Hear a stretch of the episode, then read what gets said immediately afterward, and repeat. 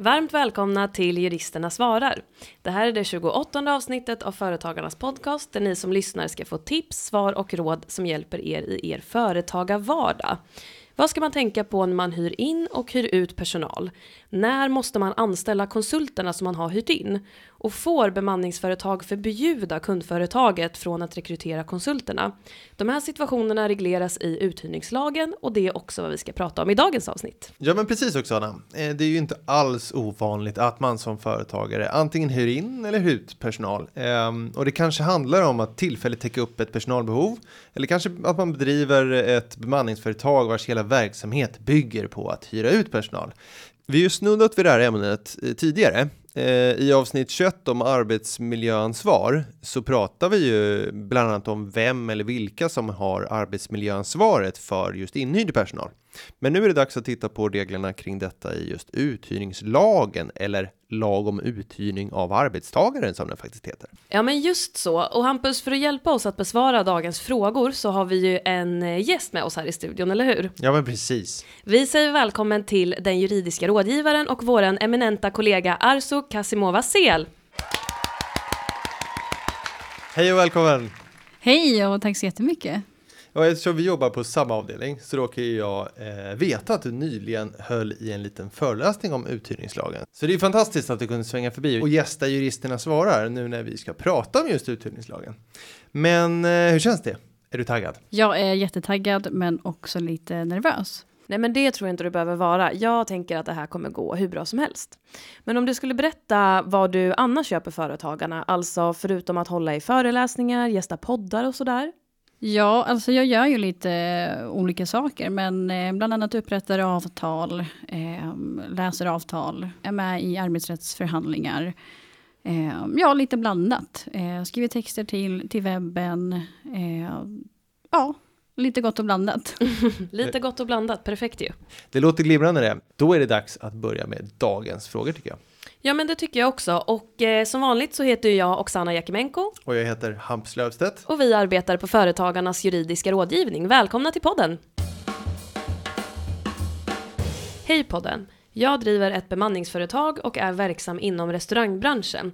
Jag skulle vilja veta om, och i så fall när, uthyrningslagen gäller för oss. Om jag har förstått det hela rätt så gäller lagen enbart när våra anställda hyrs ut till våra kunder och arbetar under kundföretagets kontroll och ledning. Stämmer det?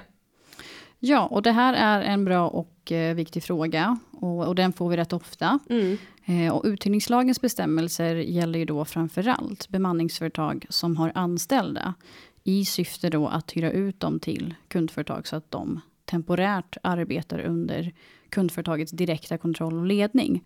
Som man då skriver i lagtexten. Och eh, de uthyrda anställda måste alltså få arbetsledning av kundföretaget. Mm. Eh, Så detta innebär alltså då att entreprenadverksamhet eh, faller utanför lagens tillämpningsområde.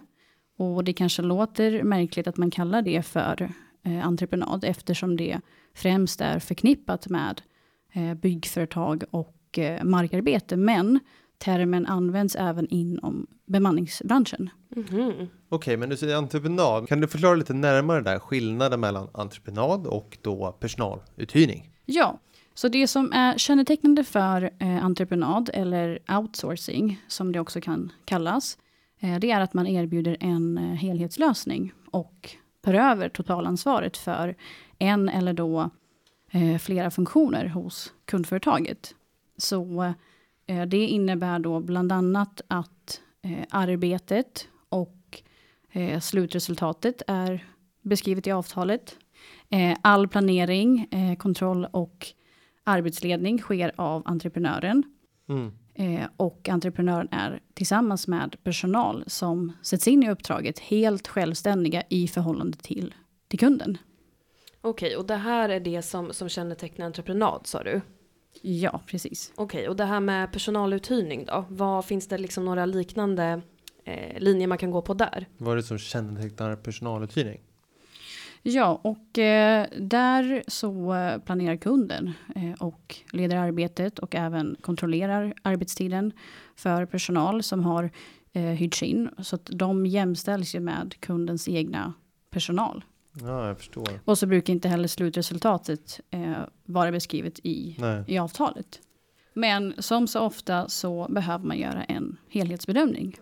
Just det, okej. Så att det som är avgörande är egentligen då vem som står för arbetsledningen, alltså om de anställda jobbar under kundföretagets kontroll och ledning eller inte då. Ja men precis, så kortfattat kan man då säga att eh, om bemanningsföretaget fullgör eh, en viss funktion åt kundföretaget, Mm. då pratar vi om entreprenad.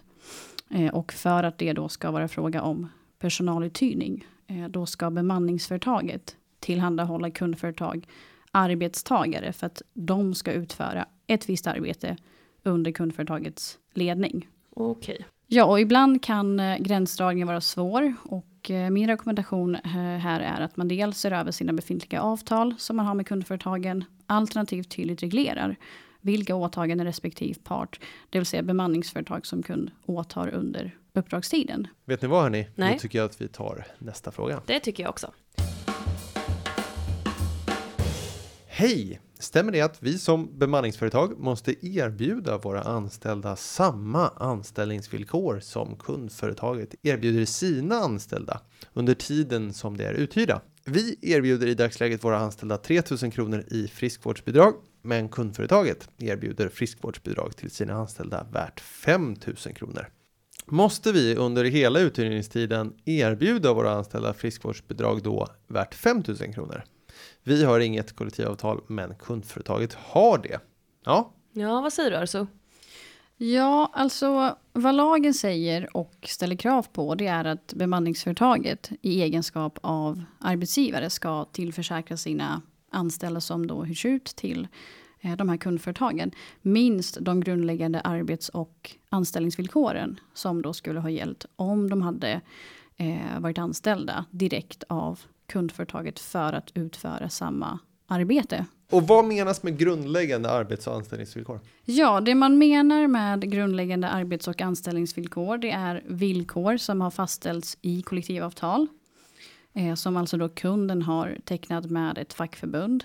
Eh, eller då andra bindande eh, bestämmelser som, som gäller hos kundföretaget. Och som avser arbetstidens längd, eh, övertid, eh, raster, eh, vilotid, nattarbete, eh, semester eller, eller helgdagar, eh, lön och även då skydd för bland annat gravida, nyblivna och ammande mammor. Skydd mot diskriminering på grund av kön, religion, eh, funktionsnedsättning eller liknande. Eh, så det primära syftet med lagbestämmelsen och egentligen hela uthyrningslagen, det är att uthyrd personal ska erbjudas rättvisa och schyssta anställningsvillkor enligt den här likabehandlingsprincipen.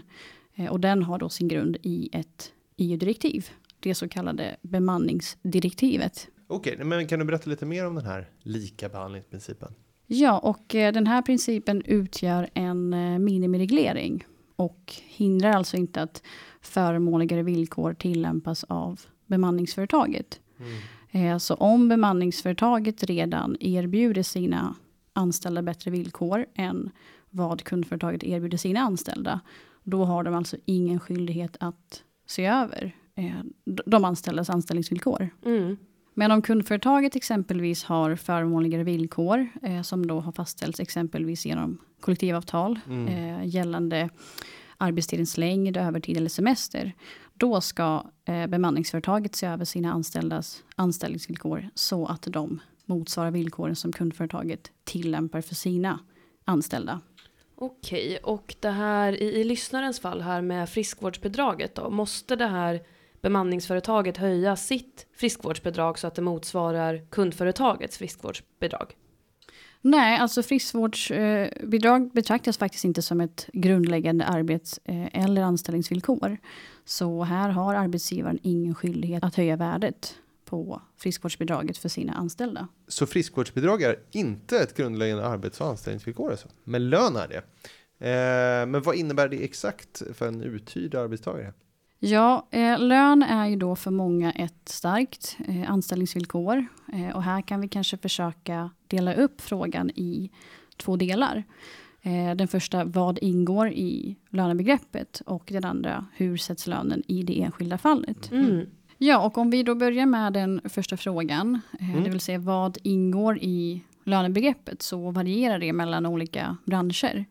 Eh, och vi har i Sverige ingen generell lagstiftning om just lönebegreppet. Eh, men med lön så menar man alltså tillägg utöver själva grundlönen. Mm. Så exempelvis då ersättning för obekväm arbetstid och ersättning för övertid. Just. Så det innebär då att kundföretaget utöver grundlönen även erbjuder sina anställda olika tillägg. Så att dessa tillägg även tillförsäkras eh, den uthyrda arbetstagaren. Och eh, friskvårdsbidrag som vi då var inne på eh, ingår inte i det här och inte heller tjänstepension. Okej. Okay. Ja, och om vi går vidare till den andra frågan då, det vill säga hur lönen sätts för en uthyrd arbetstagare. Eh, så ska lönen alltså sättas utifrån kollektivavtalets bestämmelser, om det finns ett kollektivavtal hos kundföretaget, eller utifrån andra bindande bestämmelser, exempelvis en lönepolicy. Men är det så att det inte finns något eh, kollektivavtal eller andra bindande bestämmelser, ja då finns det inga tydliga lön, lönekriterier att, att jämföra med.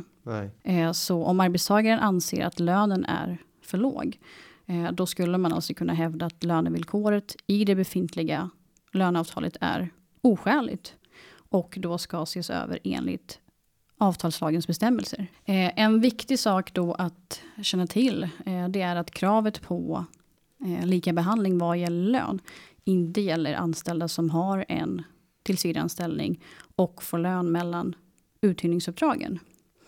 Utan det här gäller ju då framförallt eh, anställda som har tidsbegränsade anställningar, exempelvis en särskild visstidsanställning vars anställningstid motsvarar uppdragsperioden eller uppdragstiden. Okej, okay, men hade det gjort någon skillnad i bedömningen då beträffande det grundläggande arbets och anställningsvillkoren som vi pratat om här, om lyssnarens bemanningsföretag eh, också var bundet av ett kollektivavtal kontra om man då inte var bundet av ett kollektivavtal? Ja, hittills har vi pratat om eh, när endast kundföretaget är eh, bundet av ett kollektivavtal och bemanningsföretaget inte är det. Så om eh, bemanningsföretaget också har tecknat ett kollektivavtal eller hängavtal som har slutits eller godkänts av en central arbetstagarorganisation. Då kan bemanningsföretaget under vissa förutsättningar göra avvikelse från likabehandlingsprincipen vad just gäller de här grundläggande arbets och anställningsvillkoren som gäller hos kundföretaget. Så enligt eh, förarbeten till uthyrningslagen eh, så menar man alltså då att så länge en rimlig sammantagen skyddsnivå har uppnåtts eh, genom reglering i kollektivavtalet så ska avvikelse från lagens likabehandlingsprincip få göras. Men den uthyrde arbetstagaren måste alltid garanteras ett grundläggande skydd på de områden som eh, jag då varit inne på. Bland annat gäller arbetstidens längd, övertid, raster och semester. Mm, okay. Så det hela kan sammanfattas med att om bemanningsföretaget är bundet av ett eh, kollektivavtal mm. som då uppfyller lagens krav då behöver bemanningsföretaget inte tillämpa eh, likabehandlingsprincipen i den utsträckning kollektivavtalet innehåller bestämmelser på de aktuella områden. Okej, men jag tänker så här, kan ett bemanningsföretag eh, liksom vägra att gå med på vissa villkor som gäller hos kundföretaget och ändå uppfylla den här likabehandlingsprincipen med motiveringen att de eh, kanske i någon del erbjuder sina anställda bättre och liksom förmånligare villkor? Menar du exempelvis då att eh, bemanningsföretaget erbjuder högre lön men eh, kortare semester än vad kundföretaget erbjuder sina anställda? Eh, ja men precis, till exempel. Ja, och i, i nuläget så finns det ingen praxis på, på detta utan vi kan enbart gå på förarbetsuttalanden. Och där har man då sett väldigt restriktivt på det här och, och, sagt att man inte kan göra någon helhetsbedömning av de förmåner som den uthyrda arbetstagaren har. Det vill säga man kan inte hävda att eh, en rimlig skyddsnivå har, har uppnåtts eh, eftersom den anställde har högre lön men kortare semester eller tvärtom.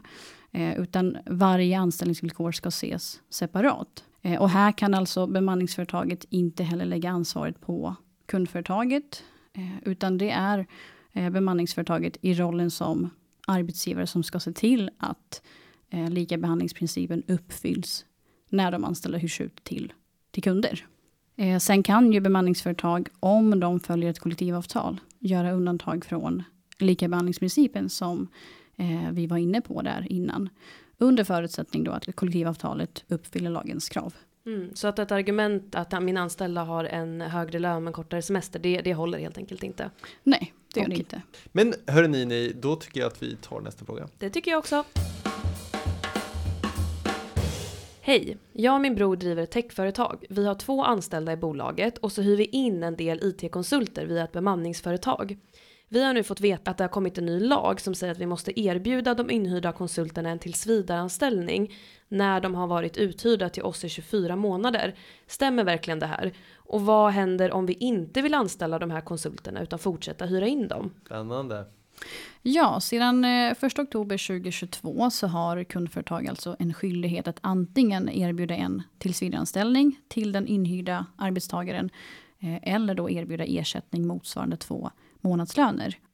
Eh, om då arbetstagaren har varit placerad hos kundföretaget på en och samma driftsenhet i sammanlagt mer än 24 månader under en 36 månaders period. Ja, om man e- väljer att erbjuda en ersättning motsvarande två månadslöner, då är det till den an- anställde, eller hur? Ja, precis. Ja, men eftersom bestämmelserna trädde i kraft här den 1 oktober i år, så antar jag att uthyrningsperioder innan 1 oktober inte ska räknas med i den här 24 månaders kvalificeringsperioden, eller? Ja men precis. Eh, Så det är från och med 1 oktober 2022 som tidsberäkningen egentligen eh, börjar då. Så tid före 1 oktober kommer alltså inte räknas med i den sammanlagda placeringstiden hos kunden. Ja, jag förstår. Okej, och finns det liksom någon tidsaspekt på när kundföretaget behöver lämna eh, det här anställningserbjudandet då? Ja, så om man lämnar ett anställningserbjudande så ska erbjudandet lämnas senast en månad efter att tidsgränsen på 24 månader har passerat. Eh, Så kundföretaget får bestämma inom vilken tidsfrist arbetstagaren måste vara, svara på erbjudandet. Men eh, självklart så måste arbetstagaren få skälig tid att ta ställning till det här erbjudandet. Mm. Om eh, arbetstagaren då accepterar erbjudandet med de villkor som kundföretaget har lämnat, eh, då upphör arbetstagarens anställning hos bemanningsföretaget Mm. när arbetstagaren tillträder anställningen hos kundföretaget. Eh, och då är det bra att bemanningsföretaget också informeras om det här. Eh, och bemanningsföretaget kan inte kräva att den anställde ska jobba under sin eh, uppsägningstid. Utan anställningen kommer att upphöra automatiskt när anställningen hos kunden tillträds. Mm.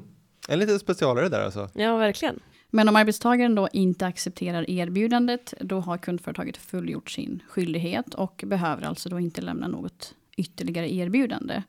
Eh, utan arbetstagaren kan fortsätta att arbeta hos kundföretaget eh, eller hyras ut på nytt till samma kund. Men här är det viktigt då att eh, erbjudandet har lämnats skriftligt och inte muntligt så att kundföretaget kan eh, visa att ett erbjudande faktiskt har, har lämnats. Du nämnde där i början eh, att eh, man istället för att erbjuda tillsvidareanställning kan erbjuda ersättning motsvarande två månadslöner då till, till arbetstagaren. Så man måste inte erbjuda tillsvidareanställning utan man kan istället erbjuda den här ersättningen, då, eller hur? Ja, men precis. Så om ett eh, kundföretag av olika anledningar inte vill eh, eller kan erbjuda en tillsvidareanställning, eh, då kan man alltså betala ersättning till den här inhyrda arbetstagaren. Och, och det ska då motsvara två aktuella månadslöner. Mm, kan man göra det istället?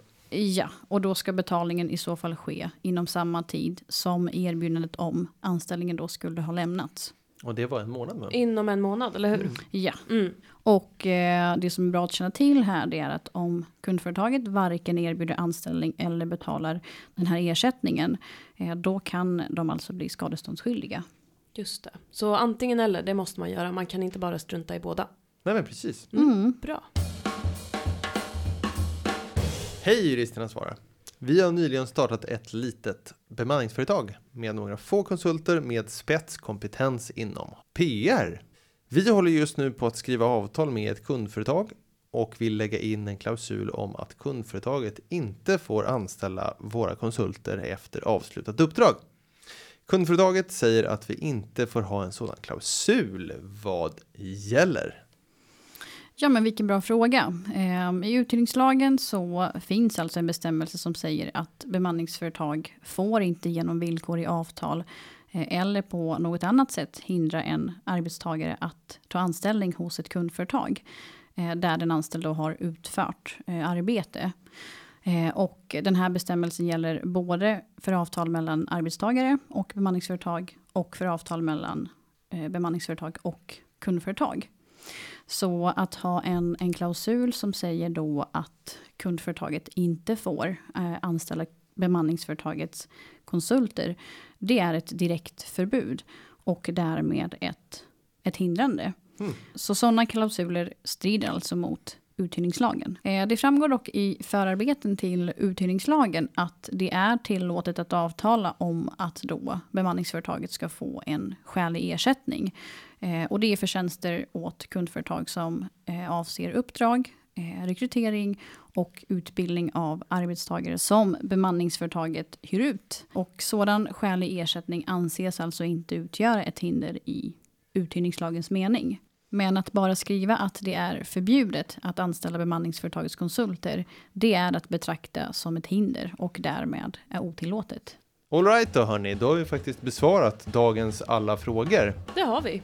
Och som vanligt så kan du som medlem i Företagarna utan kostnad ringa till oss och våra kollegor på den juridiska rådgivningen och få personlig hjälp. Du når oss på 0771 45 45 45 och på företagarna.se kan du läsa mer om uthyrningslagen och dess bestämmelser. Klippningen den är gjord av Petra Tjo och underlaget av David Hagen. Tack igen till dig Arzo för att du kom och gästade podden. Tack för att jag fick komma. Och som vanligt så hörs vi igen om två veckor. Tack för att ni har lyssnat. Hej då! Hej då! Hej då!